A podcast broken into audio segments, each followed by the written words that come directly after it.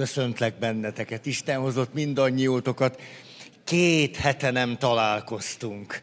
De nem tudom, hogy ti hol tartotok, hát két hét alatt annyi minden tud történni. Úgyhogy egy pici, pici, pici visszatekintés, de egy csomó új dolgot szeretnék mondani, mert most megnéztem, négy alkalmunk van, akkor vége a májusnak, és szeptembertől meg már önálló, különálló előadások lesznek 12-13, úgyhogy ezt a nagy témát azért most négy alkalom alatt szeretném lecsengetni. Emlékeztek, a szándékos vakságból indulunk ki. A szándékos vakság lélektani és jogi szakkifejezés. Öt jellemzője van, egy közkeletű hiedelem, azután a közkeletű hiedelemmel összefüggésben lévő érzés vagy érzelem általában pozitív, a harmadik az ezekkel összefüggésben lévő énkép általában pozitív, az ezeknek ellentmondó tudatási eredmények, számok, adatok, tények és realitások majd pedig az a sajátos jelenség, hogy miközben a számok, adatok, tények és realitások hozzáférhetőek és nyilvánvalóak, ez mégsem hoz változást ebben a háromban. Ez a szándékos vakság. És arról beszéltünk, hogy a szándékos vakságnak vannak okai, elég sok oka van, de hogyha le kellene egyszerűsítenem, akkor azt mondanám, hogy a szándékos vakság oka az, hogy van egy dilemmánk egészségedre. És a, a dilemmánk így szól, itt van ezen a széken a biztonság érzetem. És a biztonságérzet fontos dolog. Kérdezzünk meg egy gyereket. A biztonságérzet fontos. Igen ám, de a biztonságérzet nem egyenlő a biztonsággal, mert az egy másik valóság. A szándékos vakságot úgy is láthatjuk, ha nagyon le akarjuk egyszerűsíteni, de meg akarjuk jegyezni, hogy tulajdonképpen életünk során mindig és mindig és mindig benne vagyunk ebben a feszültségben és dilemmában.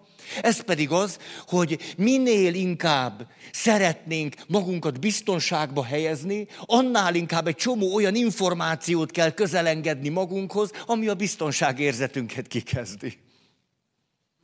Ezért tehát a szándékos vakság most nagyon egyszerűen szólva azért is fönnmarad, mert ilyenkor a biztonság érzetünkért dolgozunk, mégpedig azon az áron, hogy a realitást eltávolítjuk magunktól. Pedig nyilván a valóság reális észlelése jelenteni a valódi lehetőséget és segítséget abban, hogy valódi biztonságban tudjuk helyezni magunkat, vagy a családunkat, szervezetet. De pont az kezdi ki a biztonságérzetünket. Ezért a cél az, hogy egyaránt képesek legyünk érvényre juttatni a realitást, ami aztán a biztonságnak a kulcsa lesz, mert akkor tudjuk, hogy mit, hogyan érdemes cselekedni, de közben pedig teljességgel ne veszítsük el a biztonságérzetünket. Mert nagyon elveszítjük a biztonságérzetünket, cselekvésképtelenek leszünk. Ó, tehát ezt a kettőt próbáljuk egyaránt eh, érvényre juttatni, a biztonságot és a biztonságérzetet is. És nem akarjuk a biztonságérzetét, ezt az árat megfizetni, hogy akkor inkább nem látok, nem hallok, nem tudok, oda se figyelek. Na most, így jutottunk el oda, hogy az okok között nagyon fontos ok, nem tudom, jó, a csuklóm lehet, hogy meg fog fájdulni. Egy nagyon fontos ok az okok között a konfliktustól való félelem. Mégpedig azért, mert az előbb elmondottak alapján mondhatjuk, hát ha van valami, ami a legtöbb emberben némi feszültséget, szorongást, agressziót, a biztonságérzetet kikezdő helyzetet teremt, az pontosan a konfliktus. De annyira bennem van ez, szeretem ezt nektek mondogatni, hogy egy öreg jezsuitához bebocsájtást kértem, nem magyar az illető, és kérdeztem tőle, hogy te, te neked szoktak lenni konfliktusaid? Hát te egy ilyen markáns jezsuita vagy. Egy ilyen igazi, szóval van íze, bűze, tudjátok, így szokták mondani. Szóval, hogy kiáll, és elmondja, hogy hogy látja, hogy gondolja, mi a meggyőződése, meg úgy is csinálja. És akkor, ami leginkább érdekelt, te egészségedre. Az egy olyan beteges rész ott. Valami küldök nektek valami gyógyító hullámokat. Szóval, hogy, és egyébként előjáróiddal voltak neked konfliktusaid? És akkor az öreg jezsuita leült, most a zöld szék, leült ez a konfliktusok, konfliktusok. Nem, tulajdonképpen nem nagyon emlékszem ilyesmire, mert tulajdonképpen mindig csak az történt, hogy én is elmondtam a véleményemet, meg ő is. De hol ebbe a konfliktus? Hát persze nem értettünk egyet, de az miért konfliktus? Egészen más véleménye voltunk. Mi abban a feszültség? Hát ez annyira zseniális, hát ezt én úgy megvettem tőle. Szóval nem sokan vannak, akiknek komoly véleménykülönbség, vagy tétje van az életnek, a folytatása múlik rajta, és azt mondja, a konfliktus nem nagyon emlékszem ilyesmire. Egyszerűen csak nem értettünk egyet. Tehát a legtöbbünk számára a konfliktus az sajátosan negatív érzéseket és érzelmeket kelthet, amelyek aztán kikezdik a biztonságérzetünket. Vagy pedig megpróbáljuk magunkat úgy megvédeni ezekben a külső-belső konfliktusokban, hogy magunkat jónak tartjuk, a másikra pedig haragudni fogunk, ugye azért, hogy stabilizáljuk magunkat, és ezáltal a másikat elkezdjük leértékelni. Mert a többség, amikor haragszik a másikra, és ezáltal magát stabilizálja, ez általában a másik leértékelésével együtt jár. Miközben megint csak van egy kisebbség, aki tud úgy haragudni a másikra, hogy közben nem értékeli le.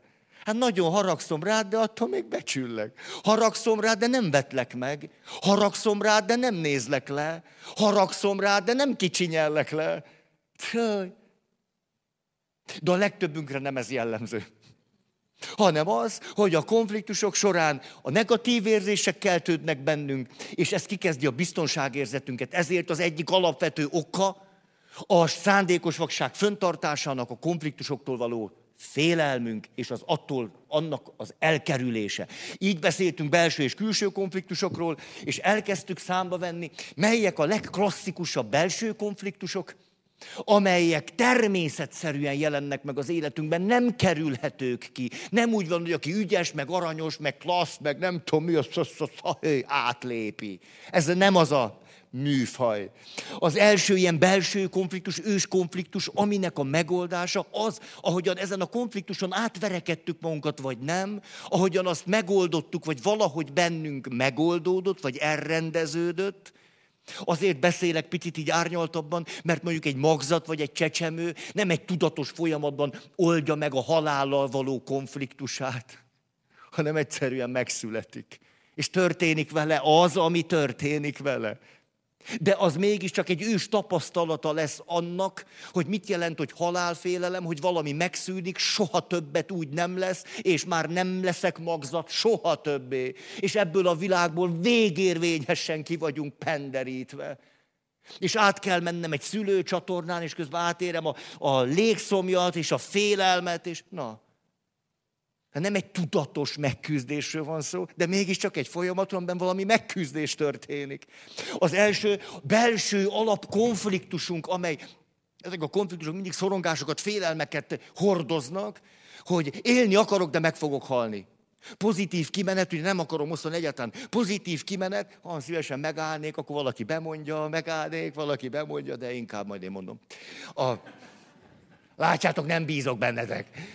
Hát az első Élni akarok, de meg fogok halni. A pozitív kimenetelem, hogy elfogadom, hogy meg fogok halni, ez már nem kelti bennem azt a félelmet, szorongást, frusztrációt, indulatot, dühöt, tiltakozást, ellenállást, tagadást, mint a folyamat elején, hanem egyszerűen azt mondom, na, ha meghalok, akkor az életemből, halálomból valami jót fogok kihozni. És ez azt jelenti, hogy így fogalmaztuk meg, hogy együttműködök a halállal. Második, az attól való félelmem, hogy a szeretett személyt elveszíthetem, hogy egyszer csak nem jön anya. Emlékeztek a történetre, a kicsi óvodás kislány? aki azt élte meg, hogy az anyukája lehet, hogy ott hagyta az óvodába, soha többet nem jön, és kettő évébe tellett, míg megint arra a pontra jutott, hogy tudott úgy bízni az anyukájában, az úgy tegyük idézőjelbe, mint annak előtte. Egyetlen élmény ennek a kislánynak két évébe tellett. És ilyenkor milyen nehéz egyébként a szülőknek, nektek, Hogy egyszer csak a kislányotok, aki nem félt a sötétben, le lehetett őt fektetni, ott lehetett hagyni, és egyszer csak jön, és azt mondta nekem egy édesanyja, pont két-három nappal ezelőtt, Feri, atya, mit csináljak? Hát a kislányom olyan lett, mint egy kullancs. Mikor a kislányunk olyan lesz, mint egy kullancs, hát mondjuk az enyém nem, de a diétek... Mikor a kislányunk olyan lesz, mint egy kullancs, csak annak a hátterében általában van valami. Történt benne egy nagy félelem és szorongás és bizalomvesztés. És az anya nem tudta hova tenni, és szörnyű, azt mondja, viszem le a szemetet, és a lányom sírva rohan utánam. Hova mész, anya? Mondom, viszem le a szemetet. Nem, nem, megyek én is. De egy négy éves kislánytól ez a normális. Ő nem tudja, hogy visszajövök. Hát eddig visszajöttem, na jó, de és ha nem?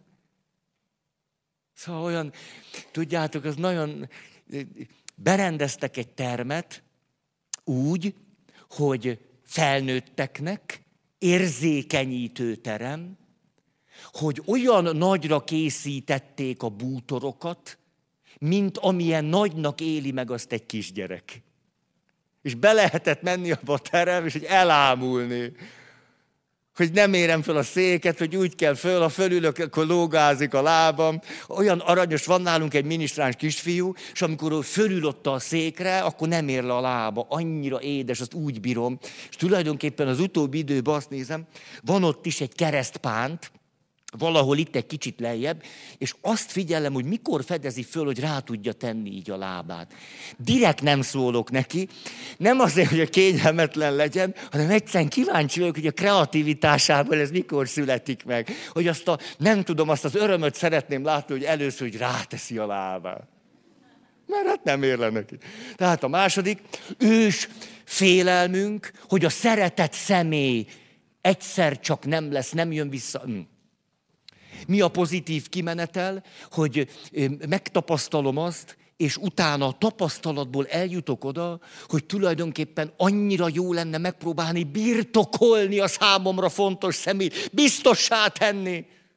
Hát azt mondta az oltárnál, holtomiglan, holtodiglan.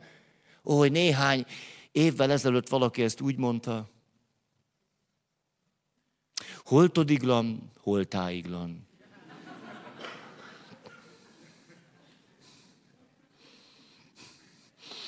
A... Na szóval, második. Harmadik, nem az anya elvesztésétől való félelem, hanem az anya szeretete elvesztésétől való félelem. Hogy mi lesz, ha nem szeret. Hogy akkor vége az életemnek, vége a világnak. Pozitív kimenetel, rájövök, hogy nem akkor van vége a világnak, ha valaki nem szeret, hanem ha én nem szeretek másokat. Na akkor tényleg, na. Negyedik, kritikától, büntetéstől való félelem. Milyen, nem tudom, hogy ti hozzáteszitek, hogy mennyire, ahogy kimondom ezeket a mondatokat, mennyire a jelenről is beszélek. Ugye egy-két éves gyereknek, a három-négy évesnek a történetéről beszélünk, de valójában, hogy mennyire hordozzuk ezeket, jaj, a kritikától, jaj, jaj a büntető, mert a következmény, jaj, majd... Pozitív kimenetel, hogy éppen a kritika és a büntetésnek a lehetősége kikristályosítja számomra azt, hogy mi az, amiért még ezt is hajlandó vagyok vállalni. Hogy mi az, amit annyira jónak tartok, hogy akkor egy életem, egy halálom. Azt is mondhatnám, hogy megfizetem az életem árát. Hogy tudom, mit jelent annak a méltósága, hogy az életem árát megfizetem. Hogy az élet nincs ingyen nem pénzért van, de nincs ingyen. Oké, okay, megyek tovább.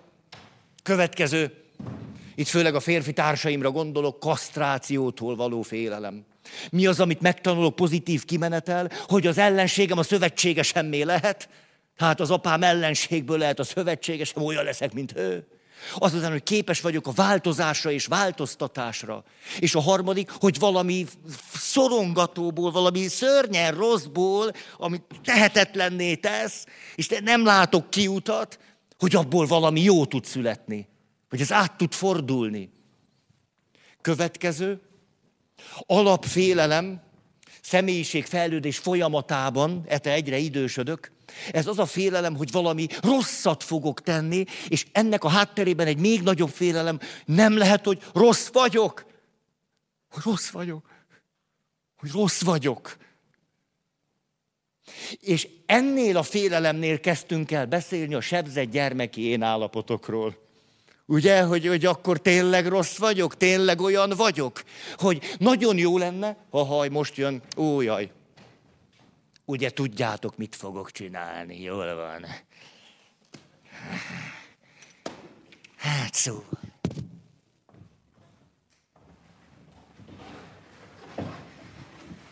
Tudjátok, az egészséges gyermek. Égyni. Milyen rendetlenség van itt, kérem. Szóval, így jutottunk el a sebzett gyermeki én állapotokig, de kifejezve azt, hogy mindig keressük magunkban az egészséges gyereket. Hogy van bennünk egy egészséges gyerek. Van! De vannak a sebzett gyermeki én állapotaink. Emlékeztek? Önbántalmazó gyerek. Második, elhanyagolt gyerek, vagy bántalmazott gyerek, súlyos esetben traumatizált gyerek. Harmadik, a dühös gyerek. Ezek így párba vannak. Ők az önvédelmező gyerekek, ő az alkalmazkodó gyerek, aki alkalmazkodás révén védelmezi magát. Ő a grandiózus gyerek, aki a grandiozitás által védelmezi magát. És ő a függő gyerek. Függőség. Nem függ valamitől, függőség.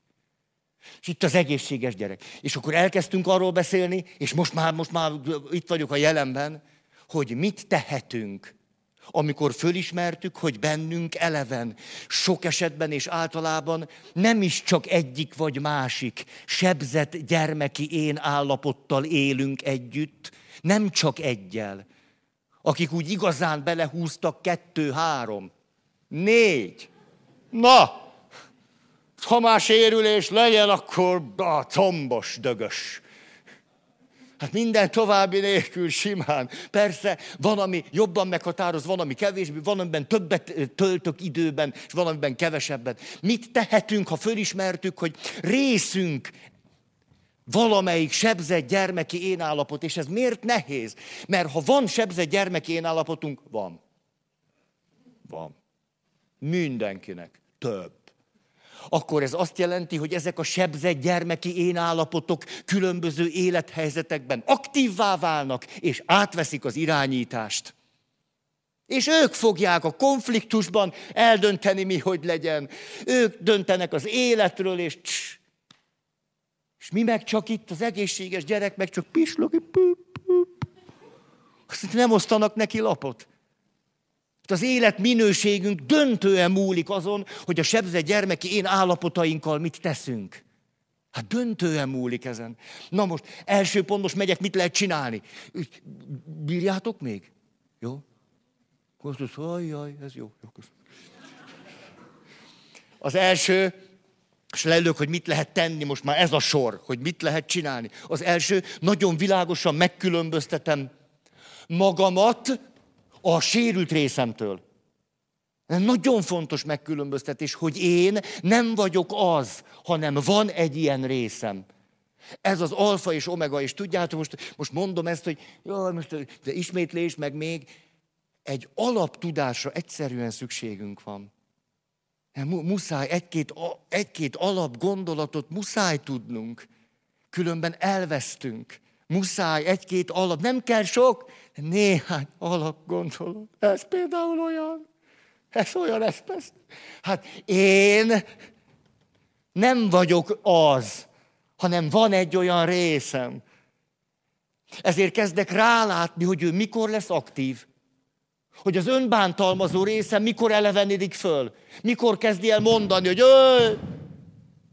Ez az első. Második pont, hogy kialakítok egy újfajta probléma tudatot. Mert eddig a probléma tudatom az volt, ugye itt ültem, azt mondtam, ez vagyok én, senki vagyok, egy nulla. Egy nulla, ez is csak velem történik, meg még ez a tavasz is, egy Vacakság nekem. Szörnyű. Mindenki más boldog, csak én nem. Nem is érdemlem meg. Nem. Ezt is elszúrtam. A második, hogy itt ülve a probléma tudatom az, hogy a múlt tönkretett engem, és ezen nem tudok változtatni. Tehát a múlt és a külső körülmények, múlt és külső körülmény. Kérdezzetek meg egy alkoholbeteget. Egy alkoholbeteg, aki iszik, nem fogja azt mondani, a problémám lényege, hogy túl sokat iszom. Hát e, ezt várhatjátok. Nem, ő aztán el fog mondani minden, hogy mások, és ki mindenki, és a múlt, és az egész élet történetét mondja, és közbe iszik. Tehát az ő probléma tudata, hogy a múlt és külső okok. Egy új probléma tudat kialakítására van szükségünk, ez pedig, hogy a jelen, hogy itt vagyok, a jelenben vagyok, nem azért vagyok pocsékul, mert 30 évvel ezelőtt az apám azt mondta, hogy, hanem azért, mert ennek nyomán lett egy önbántalmazó részem. És ez az önbántalmazó rész itt és most 2018 május elején dumál nekem. Dumál, aktív lesz, és tolja nekem. És tönkreteszi, már ezt a tavaszt is kezdi tönkretenni. Hát ez, hát de, de így van. A tavait is tönkretette, Hogyha valakinek, de lehet, hogy van köztetek, aki itt megszentelt falak között kertészeti egyetemista, ugye, és akkor itt is, hát igen, emlékszem a tavalyi vizsgai időszakomra is.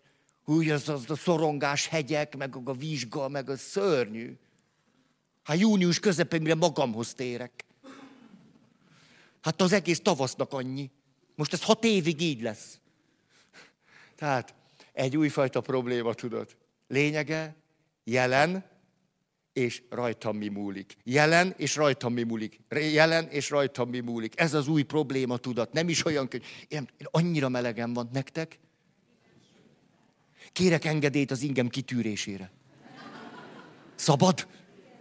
Én nem szoktam ezt, én, de, de most egyszer nem, nem. Tehát, nem. Jaj, de jó! Na, tovább nem merészkedek. Köszönöm szépen. Harmadik pont. A sebzett gyermeki részeimet más szemmel kezdem el nézni. Mert mikor úgy először benne vagyok, akkor tulajdonképpen ezeket a részeimet vagy teljesen azonosultam velük, vagy amikor úgy hallok róla, gyűlölöm őket, utálom őket. Hát ő, ők teszik tönkre az életem. Elkezdem ezt egy picit árnyaltabban látni, és azt mondom, hogy amikor ők kialakultak, joggal alakultak ki.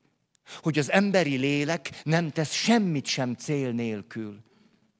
Hogy például ez az önbántalmazó rész, de most ezt nem akarom ismételgetni magam, hogy az önbántalmazó részem azt mondta, ebben mi jó van, Feri, ne szórakozz már. Nem azt mondom, hogy jó, hanem azt mondom, hogy érthető, hogy miért alakult ki. Őt ki akarom dobni az életemből. De közben megértem, hogy miért alakult ki. Azért alakult ki, mert amikor kicsi voltam, és mások bántalmaztak, akkor nehéz helyzetben voltam. Mert nehéz lett volna azt mondanom, hogy apám és anyám önöknek nincs igaza, én elköltözöm. Elmegyek egy olyan helyre, ahol jól bánnak velem. Mi három évesen? Hát ez egy nagyon nehéz helyzet. Az életem, most így mondom egyszer, ezen a két emberem múlik, a világ nekem apa és anya, de ők bántanak. Hát az életem azon múlik, hogy ők adnak-e valamit, hogy egyáltalán létezni tudjak. Ezért szép lassan eldöntöm, hogy nekik igazuk van.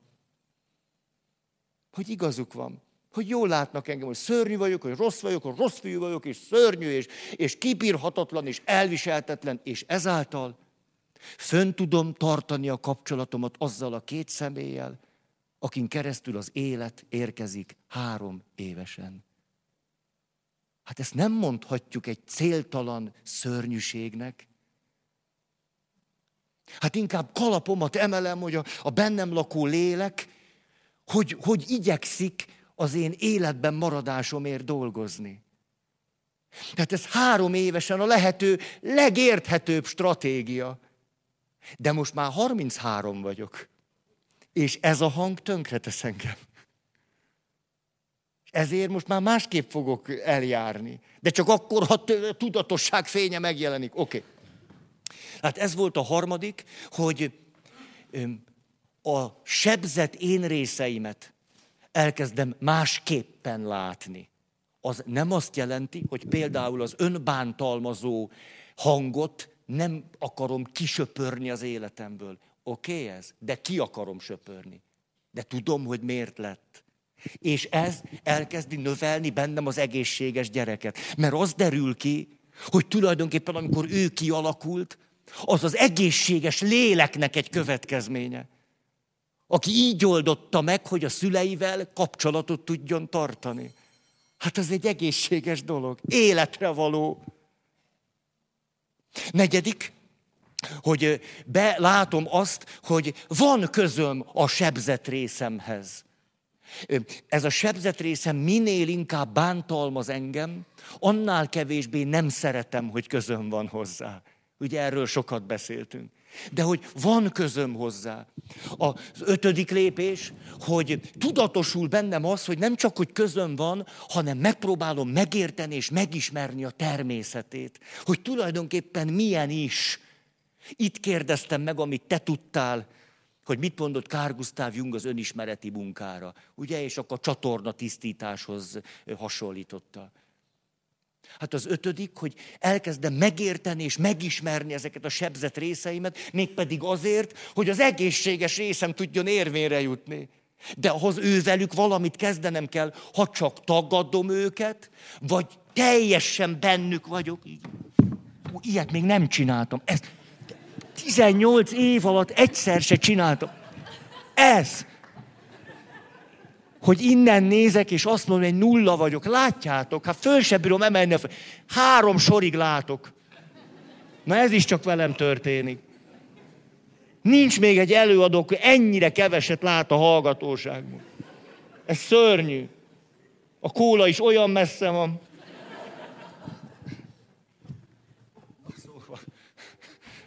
Tehát most már érthetitek, hogy miért várakoztak a papszentelésemmel. A... Tényleg, tényleg egy kicsit kivártak. Hát, hát én addig jól el voltam. De tényleg, én annyira jól el voltam. Megvizsgáljuk, hogy alkalmas. Hát vizsgálják. Hát, de tényleg így volt. Elküldtek egy helyre, hogy ott engem megfigyelnek. Hát figyeljenek. Nem, nem, nem, ére, nem éreztem problémát. Hát vizsgáltak és figyeltek, én meg boldogan voltam. De tényleg így volt. Na, na, na gyerünk. Ha látjátok, hát én nem szorongtam, nagyon érdekes volt. A... És ezt kezdtük el mondani, most megnézem, hogy mennyi idő. Hát ne is, ha... mikor kezd? Negyedkor kezdünk? Fél óra volt az ismétlés, az az egész tisztességes, nem? Hát, hogy egy 45 perces előadás, az, azért az jó még, nem? Nem, nem vagytok túl meggyőzőek. Na jó. A, az első pontról beszéltem eddig. Ugye itt a folyamat? Az első pontról. Mit kezdek a sebzetén részeimmel?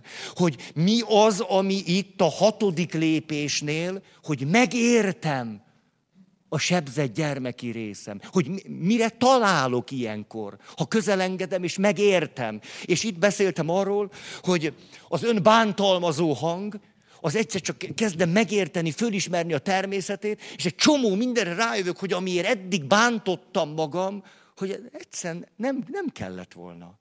Nem kellett volna.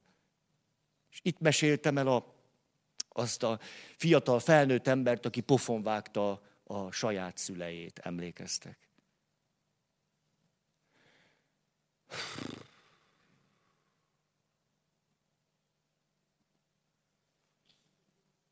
Ne, ne, de, nem vesztettem el a fonalat, csak azt mondom, hogy mondjam-e vagy ne. De a, Jött hozzám valaki, azt hiszem, ezt egyszer már elmeséltem nektek. Jött hozzám valaki, és azt mondja, hogy ha Feri, évek óta nálad szoktam gyónni, de most tulajdonképpen ez, ez valami olyasmi, ami én nem is tudom, hogy erről beszéljek el.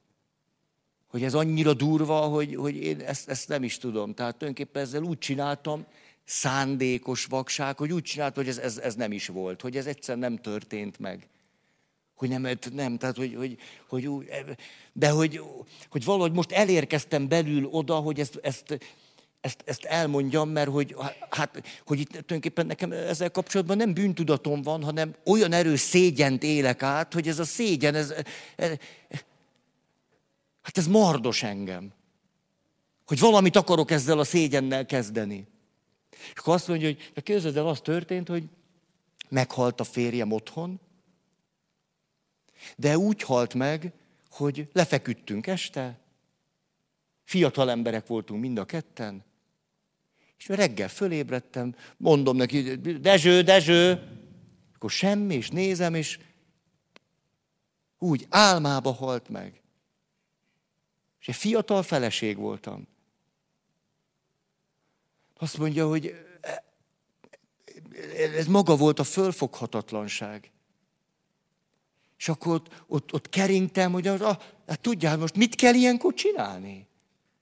Hát nem is vagyok az eszem, de mi, mi, mi, mi, van, mo, mi van most? Hát azt tudom, hogy mi van most. És akkor azt hát gondolom, hogy nem tudom, hát hívni kell a mentőt. Nem, hát, hogy hívni kell a mentőt. De hát hallod, de hát akkor kit hívjak? Mondja, hát, hát olyan ösztönösen fogtam, jó, hát akkor jó, hát fölhívtam a mentőt, hogy, hogy jöjjenek ki, mert meghalt a férjem. Azt mondja, ne szórakozz. De, de hát akkor miért minket hív? Hát nem, nem hát, hát nem, nem, tudom, nem tudom, kit kell hívni. Jó, hát ha meghalt, akkor nem siettek. És azt mondja, hogy tulajdonképpen visszafeküdtem az ágyba, és ott feküdtem a férjem mellett, és arra gondoltam, hogy nem sokára fog jönni a mentő, és el fogja vinni. De hát hogy? Hát ha elviszi, akkor, akkor, akkor, vége van. Hát most, most van még itt. Hát most nem tudom, még ez egy fél óra, vagy valamennyi, de akkor aztán vége. Azt mondja, olyan vágyat éreztem a férjem után, és elkezdett önkielégítést végezni. És a halott férje mellett önkielégített. És azt mondja, hogy befejeztem, és akkor csöngettek, és, és elvitték a férjem. Szóval én ezt, hogy én ezt csináltam, körülbelül húsz éve tagadom. Hát ez vállalhatatlan. Hát hogy? Most, hogy elmondom, hát most én, én úgy szégyenkezek emiatt, hogy hát nem is tudom most el... Te mit gondolsz rólam? Hát ez, ez... Hát de komolyan, most ez, szét vagyok esve. Én nem tudom, hogy ti mit gondoltok erről. Az emberi lélek semmit sem tesz cél nélkül. Azt gondolom, hogy lehet bennünk, most elsöpröm ezeket, most mi vagyunk a hallgatóság, lehet bennünk valaki, aki azt mondja, hogy na, na, na, na, na, na, na. Hát egy ilyen, egy ilyen ösztönösen is morálisan tiltakozom ez ellen. Hát szóval ez, ez, ez tiszta abszurdum. Hát ez egyszer valami, hát nem tudom, guztustalan vagy undorító, hogy egyszer, na, na, na, na. Most ezt miért kellett elmondania? Tönkrement a tavasz. Hát te nem bírok aludni. De én remélem, hogy van bennetek egy másik rész is. Azt mondja, hű, de most tulajdonképpen, ha ítélkezés nélkül hallgatom, van bennem egy gyermeki kíváncsiság, hogy tulajdonképpen mi történt. Most értem én szóró-szóró, hogy e- ezt csinálta. Jó, de mi történt? Mi volt az, ami, amire azt mondhatjuk, hogy a lélek nem tesz semmit sem cél nélkül? Itt mi volt az? Hát én nagyon remélem, hogy nektek van egy-két gondolatotok erről. Hogyha most nem itt ültök, ahol ítélkezünk, megbotránkozunk, és Arra gondolok, hogy tulajdonképpen kevés szimbolikusabb cselekvést tudok ennél elképzelni. De keveset. Hát, hogy valaki hogyan akarja meg, megélni, megőrizni az utolsó lehetőségével azt, hogy ő, hogy ő egy a férjével. Hogy ezt a közösséget, az egységet, hogy hogyan akar egyesülni vele. Hogy hogyan akar, hogy az utolsó élménye az legyen, hogy ők egyek, és, és akkor bocsájtja el.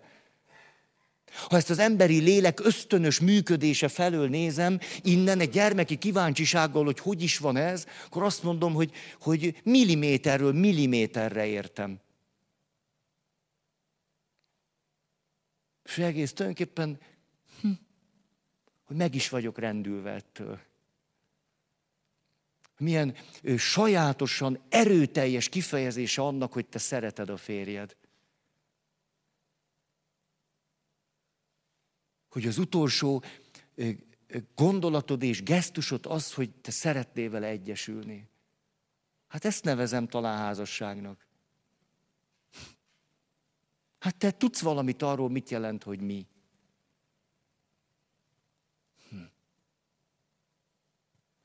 Ezt azért mondtam el nektek, mert látjátok, ez a, ez a feleség, Utána megházasodott, született még X gyereke, és ezt soha senkinek nem mondta el. Hogy ő úgy élt ezzel, itt volt ez az önbántalmazó hang, hogy hát ha van valami undorító, valami szörnyű, valami szégyenletes, valami, ami bár csak soha, na ez ez. És tudjátok, olyan érdekes volt, ahogy én innen ülve elmondtam neki, hogy én, én mi mindent fedezek föl az ő, az ő cselekvésében. És ő egyre inkább a szabad gyerek székébe került, és mondta, na hát, ez, te komolyan, te ezt, te ezt így látod? De tényleg, hogy, hogy ez lehetséges? Hát, hát most, ahogy mondod, hát tényleg nagyon szerettük egymást. Hát tényleg, tényleg, és tényleg. És innen az önbántalmazó hangból eljött ide a szabad gyerekbe, és egy nyitos, tényleg, hogy, hogy ez nem, hogy nem, nem ítéled el, meg se. És akkor történt egy nagyon izgalmas dolog, most már nem itt ült, hanem itt, azt mondja, hát én mostantól kezdve erre a dologra egészen másképpen fogok gondolni. De egészen másképpen hogy hát ez hihetetlen, ez tényleg. De azért szeretném meggyónni. De hogy van benne egy rész, amit hogy szeretnék meggyónni. De most nem is akarom pontosan tudni, hogy ez hogy van, vagy melyik, de, de valahogy, hogy... Na ez a szabadság. Hogy egyszerre tudom azt mondani, egész másképpen nézek erre, de talán van benne egy részt, nem tudom, talán valahogy a lelkemnek valahogy van egy vágya, hogy én ezt valahogy az Isten elé is lerakjam. Hogy, hogy mit, mit tudom én, hogy ez hogy van. Nem, én egy, én egy gyarló ember vagyok, és én kérem Isten szeretetét magamra. Ne, nem, nem tudom.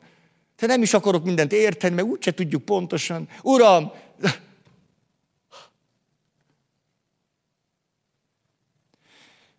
Tehát itt az önbántalmazó hangnál. Látjátok, hogy mikor azt mondom, hogy most vissza, visszapakolok, rendesen, Feri, akkor azt, hogy, hogy eh, milyen jelentősége van, ugye ez a hatodik pont, hogy kezdjem a, a sebzett gyermeki részeimet megérteni, tájékozódni és kiigazodni, hogy, hogy annak milyen jelentősége van. Hogy valami, ami, ami a szégyenem szégyene, hogy az ahogyan elkezdek kiigazodni a természetében, egyszer csak teljességgel átalakul. Anélkül, hogy tagadnék, vagy tagadnám annak a diszonanciáját. Hogy egyfelől így, másfelől amúgy. Ha. Ha. Második, az elhanyagolt. Az elhanyagolt, a bántalmazott, adott esetben a traumatizált gyerek. Itt most főleg menjünk akkor a leg, legnehezebb részére, a traumatizált gyerek. Mit jelent az, hogy kiismerem magam az ő természetében? Hogy például abba hagyom magam bántalmazását, mikor elkezdem ezt mondani, hogy hogy lehetek olyan hülye, hogy egyszer semmi nem jut eszembe, Hogy mikor ott vagyok, a főnököm mondja, és akkor ott, ott, ott, ott lebénul volt, szerencsétlenkedek, és érzem, hogy itt a gerincemnél itt folyik az izzadság. Hogy lehetek ennyire szerencsétlen? Hát amikor az önszabályozásom, a kreativitásom elkezd megszűnni, hogy azt soha többé nem, nem bántom. Azt mondom, hogy ó, a nem jóját neki. Tulajdonképpen itt vagyok az egészséges gyerekben, azt mondom, tulajdonképpen mire lenne szükséged? Neked. Elhagyatott, elhanyagolt, bántalmazott és traumatizált gyereknek. És ezért, ezt talán már kétszer is elmondogattam nektek, hihetetlen gyönyörűségesnek tartom azt, ahogyan mi magunk is, anélkül, hogy tudnánk, úgynevezett önstabilizáló technikákat dolgozunk ki magunk számára, és zseniális, amikor ezek az önstabilizáló technikák tulajdonképpen nem kártékonyak, vagy nem fenyegetnek minket, vagy másokat. Például olyan érdekes, tudjátok, hogy amikor valaki hintázik, az egy önstabilizáló technika. Ez a ringatás, az nagyon-nagyon mélyen hat ránk. A körömrágás, önstabilizáló technika. Egy vizsga előtt benyomni egy tábla csokit, az is önstabilizáló technika. Kimenni kétszer is pisilni, hogy tuti legyen, hogy ez jó, látom, aki nagyon bólogat. De hogy az önstabilizáló technika hogy fölvenni a vizsgacipőt, önstabilizáló technika, hogy értitek ezt? Hogy, hát persze, hogy értitek. De hogy van egy csomó olyan dolog, azt el se szoktuk mondani. Ugye, hogy, hogy megyek, és akkor nem tudom, hogy, na, hogy egy új randi, és azt mondja, új bugyi. Új randi, új bugyi. Szóval, mint egy mágikus szertartás. Az, föl, az, az valami jó, azt, azt nem, nem biztos, hogy húzogatom, hogy már rojtos a sarka. Nincs egy bugyinak, szerintem nincs is sarka, ezt nem tudom, ezt, ezt nem értek. De tudjátok, a kedvencem a lelkésznő. Hát, na, de ezt már annyiszor meséltem, a lelkésznő, aki azt mondja, hogy Feri, de Feri, te megőrültem, hogy jött a férfi társaság, ülnek ott a protestáns atyafiak, azt néznek engem, bámulnak, én meg ott ilyen nő vagyok, nagy mellekkel, hát hogy? Hát ez, ez, össze csinálom ott magam. Hát persze, hogy föl vagyok avatva, de attól még a csomó férfi így néz, és akkor előttem meg ott volt a Kovács tiszteletes úr, meg a Dezső tiszteletes úr, értitek én, meg itt Kovács Margit, hát szóval. És tudjátok, mit csinált? Annyira zseniális. Szombatonként elment a körmöshöz. És akkor kínált, így áll, szószék, és akkor rátette hogy az, a női kacsóit. Azt mondta, na ez, ez valami. Na, Dezső tiszteletes ezt utánozza, ezt. Három szín strasszal. Ezt... Hülye leszek majd ettől szorongani, hogy mellem van, meg nő vagyok. Mit szorongjon a férfi tőle? Majd én itt kiállok. Ezt csinálta. És azt mondta, amióta megyek a körmöshöz, kérem a kis gyöngyöt ide a körömágyhoz. Így megy a vasárnapi beszéd. Csupa valós dolgot mondok. És azért akarom ezt így mondani, mert valójában rengeteg zseniálisnál zseniálisabb önstabilizáló technikát alkalmazunk, és ezért egyrészt érdemes egy csomóra, úgy szoktuk mondani, ez, ez fáj nekem a, a kifejezés, ez olyan pótcselekvés. Ez lényegi félreértése annak, amit csinálok. Éppen, hogy nem pót cselekvés, hanem önstabilizálás. És ha van valami, amit érdemes csinálni, az pont ez. Hogy milyen módon, de látjátok, elkezdek tájékozódni, azt mondom, kétség kívül van, hogy csoki teszem, van, hogy nem tudom én, vizsgaharisnya. Egy pszichológusnő azt mondta nekem, hát mi pszichológusnő is emberből van. Azt mondja nekem a pszichológus, Feri, képzeld el, hogy fölfedezett engem a média, elkezdtem most járogatni, hívnak engem, na jó, de hát a lámpák égnek, meg minden, hát azért nekem nem, nem ez a közegem, én, hogy nekem tanítás és mindig a szorongást kelt, én, én ugye a négy szem közti terápiás beszélgetés, hát akkor vagyok igazán otthon, hát ez úgy hirtelen három percben ott a tutit mondani, hát én, nem, én egy terapeuta nem három percben szoktam mondani a tutit, hanem három évig hallgat valakit, az egy másik műfaj.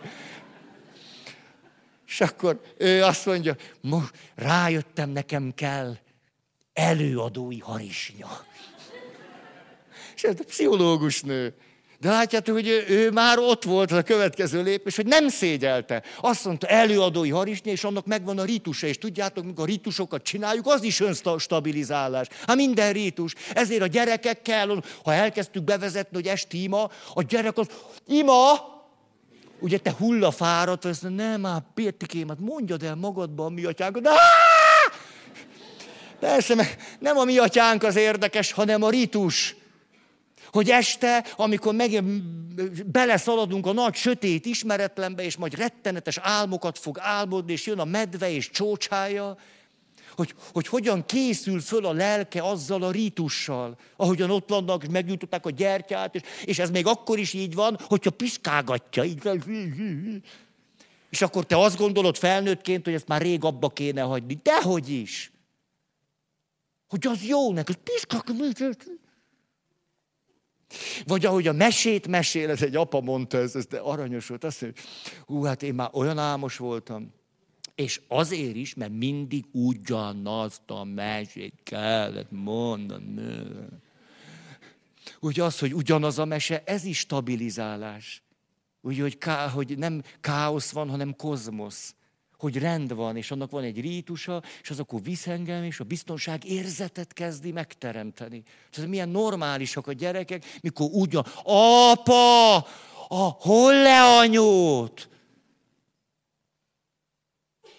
És akkor azt, azt, mondja, azt mondja az apuka, de én úgy untam, de én ezt, azt, azt kívülről tudtam, de kihagytam egy mondatot, azt a gyereknek így pik, így a szeme, én azt hittem az, pik, apa, kihagytad a kenyeres részt, megsültünk, megsültünk, vegyél ki, hát hagyd már, rögtön az almánál vagyunk. És ez a, gyerek zseniális stabilizálása. Attól ön, hogy kéri az apát, hogy mondja. De azt ugye még kell lesz hozzá. Ugye, pszichés funkciót te látod el. De ő azért ezt irányítja. Ó, na. Tehát ugye onnan szaladtam el, emlékszem, hogy, hogy már az is a stabilizálás része, ahogy ez a pszichológus nő a föllépés, vagy mi a, a média szereplés előtt bemegy a boltba, ott akkor válogat, akkor az egész folyamat a stabilizálás része. Mikor emlékszem egy csoportban, ugye tanítottam a lelki gondozókat, és egy továbbképzés, és akkor ki kell menniük terepre. Ez sokszor nagyon félelmetes, főleg, ha olyan terepre kell menniük, ha ide ülök, mert inkább innen mondom, hogy a második széknél vagyok, ha olyan terepre kell menniük, ami teljesen idegen tőlük. Tehát sosem szokták, sosem próbálták. Van, akinek például bemenni egy nyugdíjas házba, az maga az őrület. Az egy csomó öreg, mit csináljak velük? Elmenni a kórházba, de mit csináljak egy beteggel? Elmenni a börtönbe, nem mit csináljak ott? Ez a ö, ö, lelkész ö, börtönbe ment. Szóval soha életemben nem voltam. És elment, és ott beszélgetett egy fogvatartottal, ráadásul egy elég súlyos bűncselekmény miatt ültették le. Hát ez még megterhelő volt neki, hogy egyébként soha életében nem beszélt olyan valakivel, aki súlyos testi sértés, és hogy akkor egyáltalán mit csináljon vele, és na. És mikor ugye eljött a börtönből, leírta a jegyzőkönyvet, hogy mi történt, és utána ültünk a csoportba, és azt mondja, Hát ő tulajdonképpen, nem tudom, nagyon megterhelő volt. Nagyon.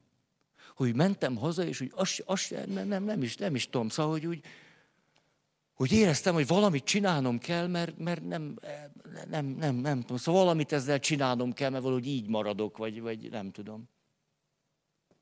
És ahogy ő érzékelte, hogy minket érdekel, hogy mit csinált, picit pironkodva azt mondja, hogy de képzétek el, azt csináltam, hogy beálltam a zuhany alá, és hogy fél órán keresztül engedtem magamra a meleg vizet. És engedtem, és engedtem, és akkor leszappanoztam magam, és engedtem, és akkor még egyszer leszappanoztam magam, akkor megint, harmadszor is, de tiszta hülye vagyok, mondta, és tévedett. Mert amit csinált, az a leggeniálisabb dolog. Hogy ösztönösen ráérzett arra, hogy a lelke számára mi volna egy önstabilizáló megoldás. És azzal, hogy fél órán keresztül folyatta magára a meleg vizet, és tulajdonképpen mondhatjuk, hogy milyen értelmetlen, illogikus, hogy háromszor szappanozta be magát, csak éppen pont nem az. Éppen az az izgalmas, hogy a leglogikusabb dolog volt, amit tehetett. Hogy a lelke pontosan tudta, hogy mit kéne csinálnia. Szóval nem akarom ezt hosszabban, ez, ez, ez az egyik kedvencem. Ahogy átalakul bennünk az a pótcselekvés, meg olyan hülye vagyok, meg tiszta értelmetlen volt, olyan, hogy döbbenetes, hogy a lelkem ezt magától, hogy hogy csinálja, értem. És amit még akartam mondani itt, az az, hogy kiismerem az önstabilizáló technikáimat, és rájövök például, hogyha feleségként egy beszélgetés durva nyitással kezdek, és elárasztással folytatom, ezt 45 másodperc alatt lezavarom, az eredménye az, hogy ennek az estének a statisztikák szerint egyetlen százalék esélye van, hogy jó véget fog érni. Tehát 45 másodperc alatt ki tudok csinálni egy estét. A hosszú távú negatív következményekről nem is beszélve. Valójában azért csinálom ezt a durvanyítást, az elárasztást, mert ezzel saját magamért dolgozok. Tulajdonképpen most a természetét kezdem fölismerni, nem is őt akarom elsősorban bántani, jó, hát nem esik az ő rosszul, hogy látom, hogy fáj neki, de de igazából, hogyha igaz, hogy tulajdonképpen mi, mi is az, amiért csinálom, hogy egyszerűen ki, és mondom, hogy tulajdonképpen egy kicsit megnyugszom tőle. Hogy tulajdonképpen megnyugszom. Hogy úgy érzem, hogy na, hát csak a férjem ilyenkor elmegy, azt egy zsíros kenyeret eszik hagymával, úgyhogy annak már annyi. Szóval akkor van esélyem jól látni, hogy a kártékony és fenyegető önstabilizáló technikáimat hogyan tudnám kevésbé kártékony, vagy esetleg egyáltalán nem fenyegető önstabilizáló technikákra váltani. Tehát alkohol helyett és agresszió helyett, vagy bántás helyett, hogy tudnék valami mást csinálni. De ez csak akkor, hogyha látom, hogy miről van szó. Harmadik, a dühös gyerek a, a dühös gyereknek azt érdemes nagyon, hát az egészséges gyerek.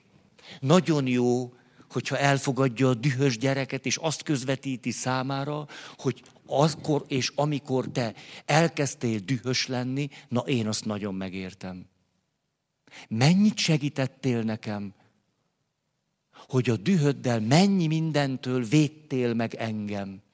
Tulajdonképpen nagyon hálás vagyok neked hogy te mindig föl tudtál csattanni, te tényleg oda beszóltál meg úgy. Tulajdonképpen, hogy védtél te engem, ez hihetetlen. Hihetetlen.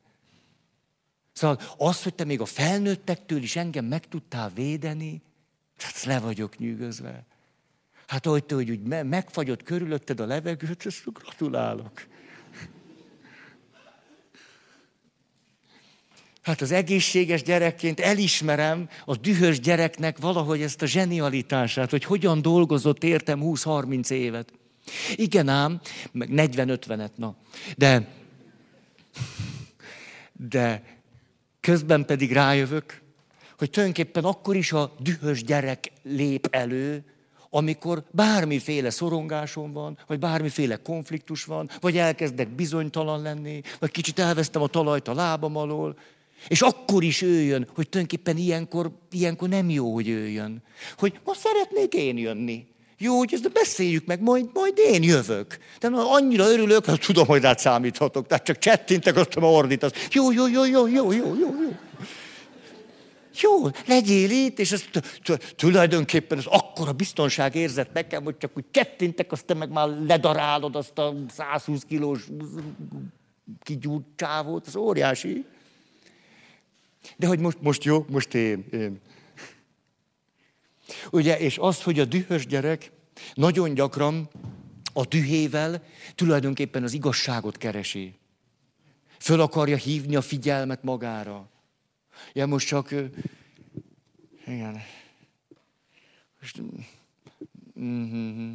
Ugye eszembe jutott ott hogy az önbántalmazásnál, önbántalmazó hang, de itt, hogy ugye amikor valaki vagdossa magát, hogy, hogy az is, hogyha ide ülök a vagdosásnál, akkor azt hát na, szóval ennél értelmetlenebb dolog nincs. Csak ez egy téves megközelítés. Akkor valaki vagdossa magát, akkor nem egyszer például azért vagdossa magát, ugye közkeletűen, de reális. Ugye figyelemfölhívás. Úgy, hogy vegyetek észre, hogy valami nagyon durva dolgot kell csinálnom, hogy talán észrevegyetek. Mert itt elhanyagolt gyerekként úgy nőttem föl, mint a gyom. Hát én, én nem tudom, hogy, hogy én, én egyáltalán érdekes vagyok-e valakinek. Hát sose kellettem senkinek. Hát senki még nem jut oda, hogy gyere, szeretlek, mire van szüksége. Tehát ezt nem is ismerem. Hát lehet, hogy akkor van nagyon durva dolgokat kell csinálni. Hogy valahogy észrevegyenek, vagy hogy, hogy, hogy egyáltalán létezem. De egy mélyebb megközelítésben, például, hogyha belső dinamikáját nézzük, akkor valaki vagdos, például azért vagdossa magát, mert belül van egy drámai nagy üresség. Ugye az elhanyagoltság miatt. Ugye, hogyha van tartalmas emberi kapcsolat, akkor idebent egy kapcsolati rendszerben élek. Hát itt ülök egyedül, de tele vagyok kapcsolatokkal. Bármelyikhez tudok nyúlni. Már is érzéseim támadnak. Na de egy, egy magára hagyott, elhanyagolt gyerekben van egy nagy űr. És amikor elkezdi vagdosni magát, főleg ha ez az űr párosul valamiféle szorongással, és hogy elkezdem vagdosni magam, egyszer csak valami sokkal világosabb lesz. A fájdalom összeránt. A fájdalom visszahoz az életbe, visszahoz a világba, mert itt teljesen el vagyok veszve. Hát itt egy egyéves gyerek vagyok, akit kilőttek a holdra. De most, hogy fáj, most, most visszatértem a testembe. Most itt vagyok a testemben, most, most milliméterről milliméterre pontosan tudom, mit, mit csinálok, hogy mi történik. Most érzek, ez a fájdalom, most a kezemben van valami, ami itt teljesen elvész. Oké, okay, most összekötöttem kettőt. És egy picit ugye a haragvó gyerek, aki aztán kooperál az önbántalmazóval, akit elhanyagoltak. Tehát a haragvó gyerek, aki figyelemfölhívás, de sajátos önstabilizálás is, egyáltalán, hogy vissza tudjon térni a testébe, vagy az életbe, vagy a földre, hogy valami, valami egyáltalán valami szilárd legyen, egyáltalán valami, valami kapaszkodó legyen. És a fájdalom az az, hogy amikor a dühös gyerek akkor is beváltja jogosultságokat, újból és újból 20, 30, 40, 50 évesen megyek, és kifejezem a dühöm, hogy azzal tulajdonképpen fenyegettem a kapcsolataim, most ez egy másik szék, hogy fenyegettem vele a kapcsolataim. De nem csak fenyegettem ezzel a, a, a haragvó gyerek, nem csak fenyegeti az összes kapcsolatot, pedig azért kezdtem el haragudni, mert haragudtam arra, hogy nem, nem törődnek velem, hogy nem figyelnek rám, vagy bántanak. Hát tulajdonképpen pont arra lenne szükségem, hogy jó kapcsolatokban legyek. Emlékeztek, ahogy az asszony azt mondja, idős néni kihívott a Feri atya, azt mondja, hát az életemet úgy tudnám összefoglalni, hogy én is kaptam, én is adtam. Ugye ez a bántalmazás volt. Engem is bántalmaztak, én is bántalmaztam. Mindig, mikor bántalmaztam, és persze ki van kéznél a saját gyerekem, ugye a szüleim engem bántalmaztak, én a saját gyerekeimet bántalmaztam. Ez számomra egy sajátos egyensúly. Ez így van. Az ösztönös igazságérzetem Azt mondja, hogy engem bántottak, most én bántok, ez így rendben van. De ha az egészséges személy felől nézem magam, ez a belső részemből azt mondom, ez igaz, hogy engem bántottak, és én is bántok, egyik nemzedék adja a másiknak, ez igaz, hogy ez így egy egyensúly. Csak az a probléma vele, hogy miközben te azt mondod, hogy ez most így igazságos, mert engem is bántottak, és én is bántok, itt létrejön egy igazságtalanság. És ő vele most pont az történik, amit veled csináltak. És tudod, mondja az egészséges szabad gyerek, az ott igazságtalan. Egyfelől értem a te igazságodat, és jogosan mondod, hogy kaptam és adtam. De ha ide nézel, itt igazságtalanság, amit csinálsz. Tehát például ennek a belátása az, ahogyan elkezdek tájékozódni a haragvó gyerek természetéről, hogy miért nem hagyja abba, hogy miért mondja azt, hogy még így is, én még így is negatívba vagyok. Még így is kevesebbet adtam, mint amennyit kaptam. Hát csak felszámolja maga körül az életet. És tényleges igazságtalanságokat követel. Oké, okay, gyerünk. Nézem, azt hittem, több mindenre lesz idő. Hmm. Lassan haladunk? Nem? Érdemes így? Jó. Jó, hát aki nem bólogatott, azt nem tudom. Hát... Negyedik, az alkalmazkodó gyerek. A, az alkalmazkodó gyerek, hogyha elkezdi az egészséges megismerni az alkalmazkodó gyerek természetét, ugye az alkalmazkodás értékes dolog. Ő vele az a probléma, hogy akkor is alkalmazkodik, amikor nem kéne. Olyan mértékben, olyan helyzetekben, úgy is és akkor is, hogy azt már úgy nem kéne. A, az alkalmazkodó gyerek tragédiája, hogy elveszti a kapcsolatot saját magával. És ezért például ez, ennek a dinamikája egy társkapcsolatban az tulajdonképpen mindig elég megrendítő számomra.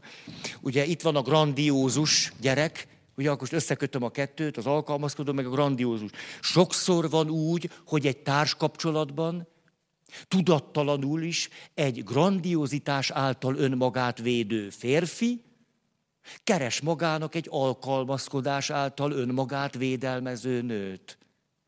Egy klasszikus fölállás.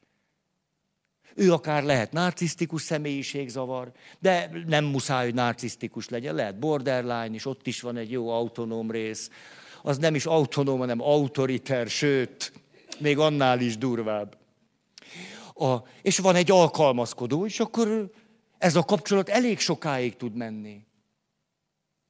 Na most, ha én grandiozitás által védem magam, és ő valahogy elkezd olyasmit csinálni, ami az ő eredetisége, az ő szépsége. Tudjátok, emlékeztek, hogy mit mondott Eszter Perel? Hogy Eszter Perel azt mondta, hogy akik 5, 10, 30, 40 éve házasok, megkérdezte őket, mikor látják legvonzóbbnak a házastársukat. Tehát mikor támad föl bennük valami hasonló vágy, a társuk után, akár szexuális vágy, de nem föltétlenül szexuális vágy, hanem egyáltalán közel lenni, hogy ezt a, ezt a nőt én akarom. Ezt, ez, a, ez a férfi, közel akarok lenni hozzá. Emlékeztek, hogy Eszter Perel, ugye pszichoterapeuta, hogy összegyűjtötte kutatásokba, tulajdonképpen lett egy, egy, egy, egy szimbolikus dolog, hogy mikor vágyunk vissza, mikor szerelmesedünk vissza a férjünkbe, vagy a feleségünkbe. Ha, nem voltatok két éve. Hát értem én ezt, de van, aki volt és tudja. Hogy klasszikusan, szimbolikusan akkor, amikor mondjuk én vagyok a férfi, és a feleségem mondjuk egy színdarabba játszik. Vagy a feleségem a színpadon táncol. Vagy a feleségem egy táncversenyen vesz részt. És én itt ülök, és látom a feleségemet, ahogy ragyog ahogy a tehetségét, a színességét, a szépségét, a nőieségét, és mindent, a képzettségét, mindent, amit kidolgozott, hogy egyszerűen, és itt vagyok, és azt mondom, az én feleségem. Ennyi nektek, az enyém. Hát akkor válik a társunk a legvonzóbbá egy tartós kapcsolatban, amikor őt autonómnak, alkalmasnak, kompetensnek, szépnek, fénylőnek látjuk. Szabadnak. De amikor én grandiozitás által védem meg magam, pontosan ez az, amit nem engedek meg neki. Mert ő legyen kicsi, legyen szürke, kisveréb, és csak csipogja azt, te vagy a legnagyobb. Mert nekem ez nagyon biztonságos. Kisveréb, szörke kisveréb, csipogjad. És, a, és amikor elérem, hogy a feleségem, jó, öt évig, tíz évig tolom neki, és tényleg egy szürke kisveréb lesz, és tényleg rám, rám nézek, már kezdi mondani, te vagy a legjobb, te vagy. Nálad nagyobb férfi nincs is, mindig igazad van tulajdonképpen pont azt teszem benne tönkre, amire vágyok. Pont azt csinálom ki, amiért érdemes vele lenni. Értitek az érdemeset, most nehogy félreértsétek. Hát pont az, amitől ő vonzó és szikrázó és fénylik, és na! Mert az fenyegető rám nézve. Mert ott autonóm, mert ott szabad, és ott hogy tehetséges, és nélkülem van a színpadon. Értitek? Nélkülem. És jól van. Nélkülem. Na, na, na, na, na, na. De ez jó Tehát az alkalmazkodó, aki akkor is alkalmazkodik, mikor nem kéne, tulajdonképpen, mikor fölismerem azt, hogy azzal, hogy alkalmazkodok, pont azt a részemet vesztem el, amit a leginkább szerethetnék. A legszebb részemet. A leggyönyörűbbet. Hát ezt én nem akarom. Mondja a szabad része. Azt mondja, nem, nem, nem, azt ne veszd el. Jaj. Ha látni akarok, hogy ragyogsz. Hát itt a tavasz, ragyog. Grandiózus gyerek. A ugye a, most nézem, hú, a, a grandiozitás, ez egy annyira, mm, és vasárnap miséztem, Hát ez nem egy nagy hír, tehát látom, nem is, nem, nem pesdítette föl az érdeklődéseteket.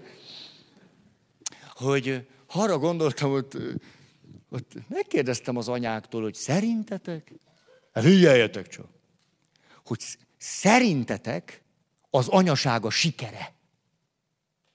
Képzeljétek el, hogy az anyák zöme föltette a kezét.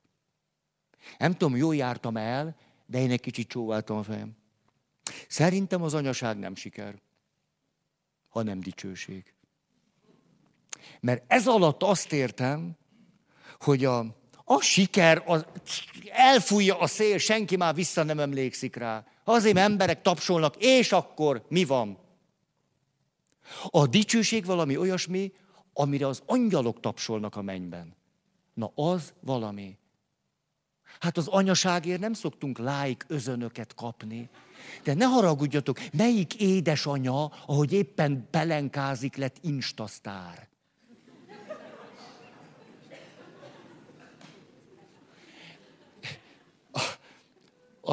Ezt a grandiozitás miatt mondom. Emlékeztek 50-es, 60-as évek? nincs 20%-a a fiataloknak, akik azt mondanák, hogy ők rendkívüli személyek. Már a 80-as években azt mondja, 80% hogy rendkívüli személy, most meg már, ta, na, főleg aztán, na, gyerünk. Y nemzedék szegény, ó, ti szegények, ti mind rendkívüliek vagytok, nehéz nektek. A, és ezért a, a, az összes rendkívüli személy, tulajdonképpen elneveztem magamba őket, most, hogy látom ezt, minden visszatérek a miséhez, hogy Hát ők olyan kis grandiózák, meg grandiózók. Hogy a ma világa tele van kis grandiózákkal, meg kis grandiózókkal, akik sikerre vágynak, És hogy ez a, ez a sikerre vágyás, az anyaság, ne, ne, ne, ne, ne, ne. Látjátok, nem csak szavakkal lehet. De tényleg érdekes, hogy öt percet így tartanék, megkérdezném, hogy miről volt szó. hogy jaj, ez a siker őrület. Ez tulajdonképpen a, grandi, ön, a grandiózus által önmagát védő gyereknek valamilyen ilyen, ilyen futópályája, vagy micsodája, ilyen, ilyen menekülő pályája, és hogy azért, azért nehéz ez, mert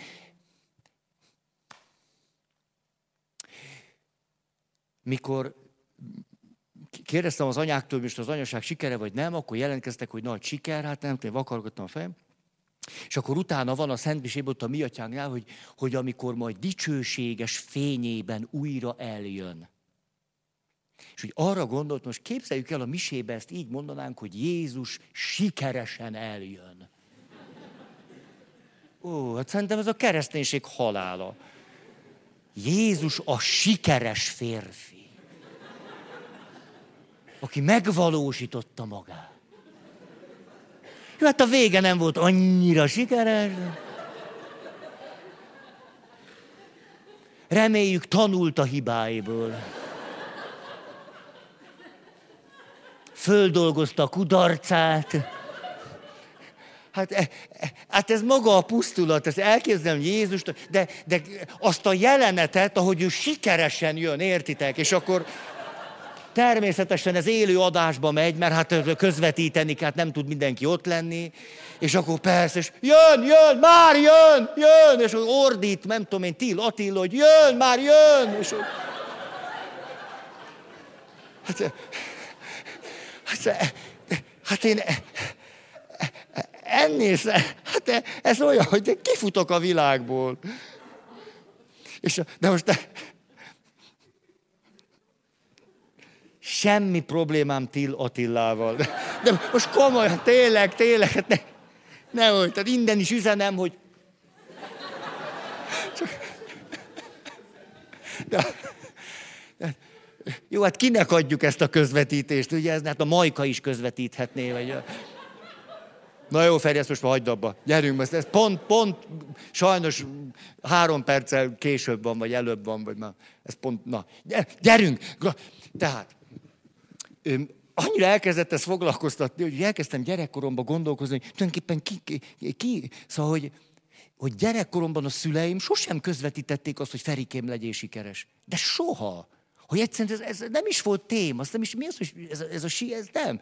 Hanem például az anyukám Albert Schweitzerről beszélt. Annyira bennem van, hogy, hogy anyukám mesél, képzeld Albert Schweitzer, hogy egy, orgonaművész, és Gabonba elment, és leprásokat gyógyított, és ott vagyok kis, ilyen szabad kis kölyök. De kisgyerek voltam, hát talán még csak alsós. És hallom, hogy tényleg, hogy egy orgonom, és tényleg, hogy, hogy akkor felnőttként még orvos lett, pedig egyébként teológus volt, filozófus, és orvos, és Hát ez valami olyan csoda volt számomra, olyan, olyan iszonyatosan izgalmas volt és érdekes. Nem az, hogy sikeres volt, hanem, hanem pont a fordítottja, hogy, hogy ott hagyta azt, hogy tapsolnak neki, és elment, és egy kórházat hozott létre, és azt, na, na, e, hát ez az, ez az. És most elővettem megint Albert Schweitzer életét. Emlékszem, hogy meg középiskolás koromban akkor pont ki megfordít, nem megfordították, lefordították. Na. Lefordították, és nyálasztam. És most, most, a témánk miatt jutott eszembe, hogy az derül ki, ő maga írja, de erre nem emlékeztem, ez most tegnap, tegnap, tegnap előtt, vasárnap, hogy Albert Schweitzer abból az indítatásból ment éppen Afrikába, és ott kórházat csinált, mert őt teológusként, hát hívő, köröztényként, nagyon bántotta az, amit a fehér ember gyarmatosítóként csinált az afrikaiakkal hogy ez őt nagyon bántotta. És azt mondta, hát én, én, hát én, én egy Albert Schweitzer vagyok, hát tudok orgonálni, meg minden, de engem annyira bánt ez, hogy a gyarmatosítók mit csináltak Afrikában, hogy én elmegyek, és akkor, hát tudom, hogy ez nem egy sok dolog, de én ezt tudom csinálni. Ez grandiozitás. Hát valaki magára veszi az a gyarmatosítás összes bűnét, és azt mondja, na majd én. De látjátok, hogy ebben is nem, a grandiozitás mellett ott van az, amit a kis grandiózók, meg grandiózák nagyon szívesen mondanak, hogy én, én, én, én, én. De ebben is benne van, hogy én, hogy majd én elmegyek gyógyítani. Majd én külön engedéllyel hat év alatt orvos leszek, majd én. Ez micsoda egy másik minőség. Hogy, e, na, e, hogy, hogy milyen jók tudnak származni a grandiozitásból. Hogy vannak az éretlen, grandiózus személyek, akik, akik az, a diktátorok. Ők az egész világot próbálják úgy mozgatni, hogy az tulajdonképpen semmi másról nem szól, mint a saját egyensúlykeresésükről. És ehhez egy egész világot vérbe, lángba borítanak. Azért, mert van bennük egy grandiózus, sérült gyerek, aki így védi magát. Egész ijesztő, nem? De... És van egy Albert Schweitzer, aki ugyanúgy egy grandiozitásból indul, és azt mondom, éppen néhány nappal ezelőtt néztem Rőrigi Géza, tudjátok? Hát, na, és a...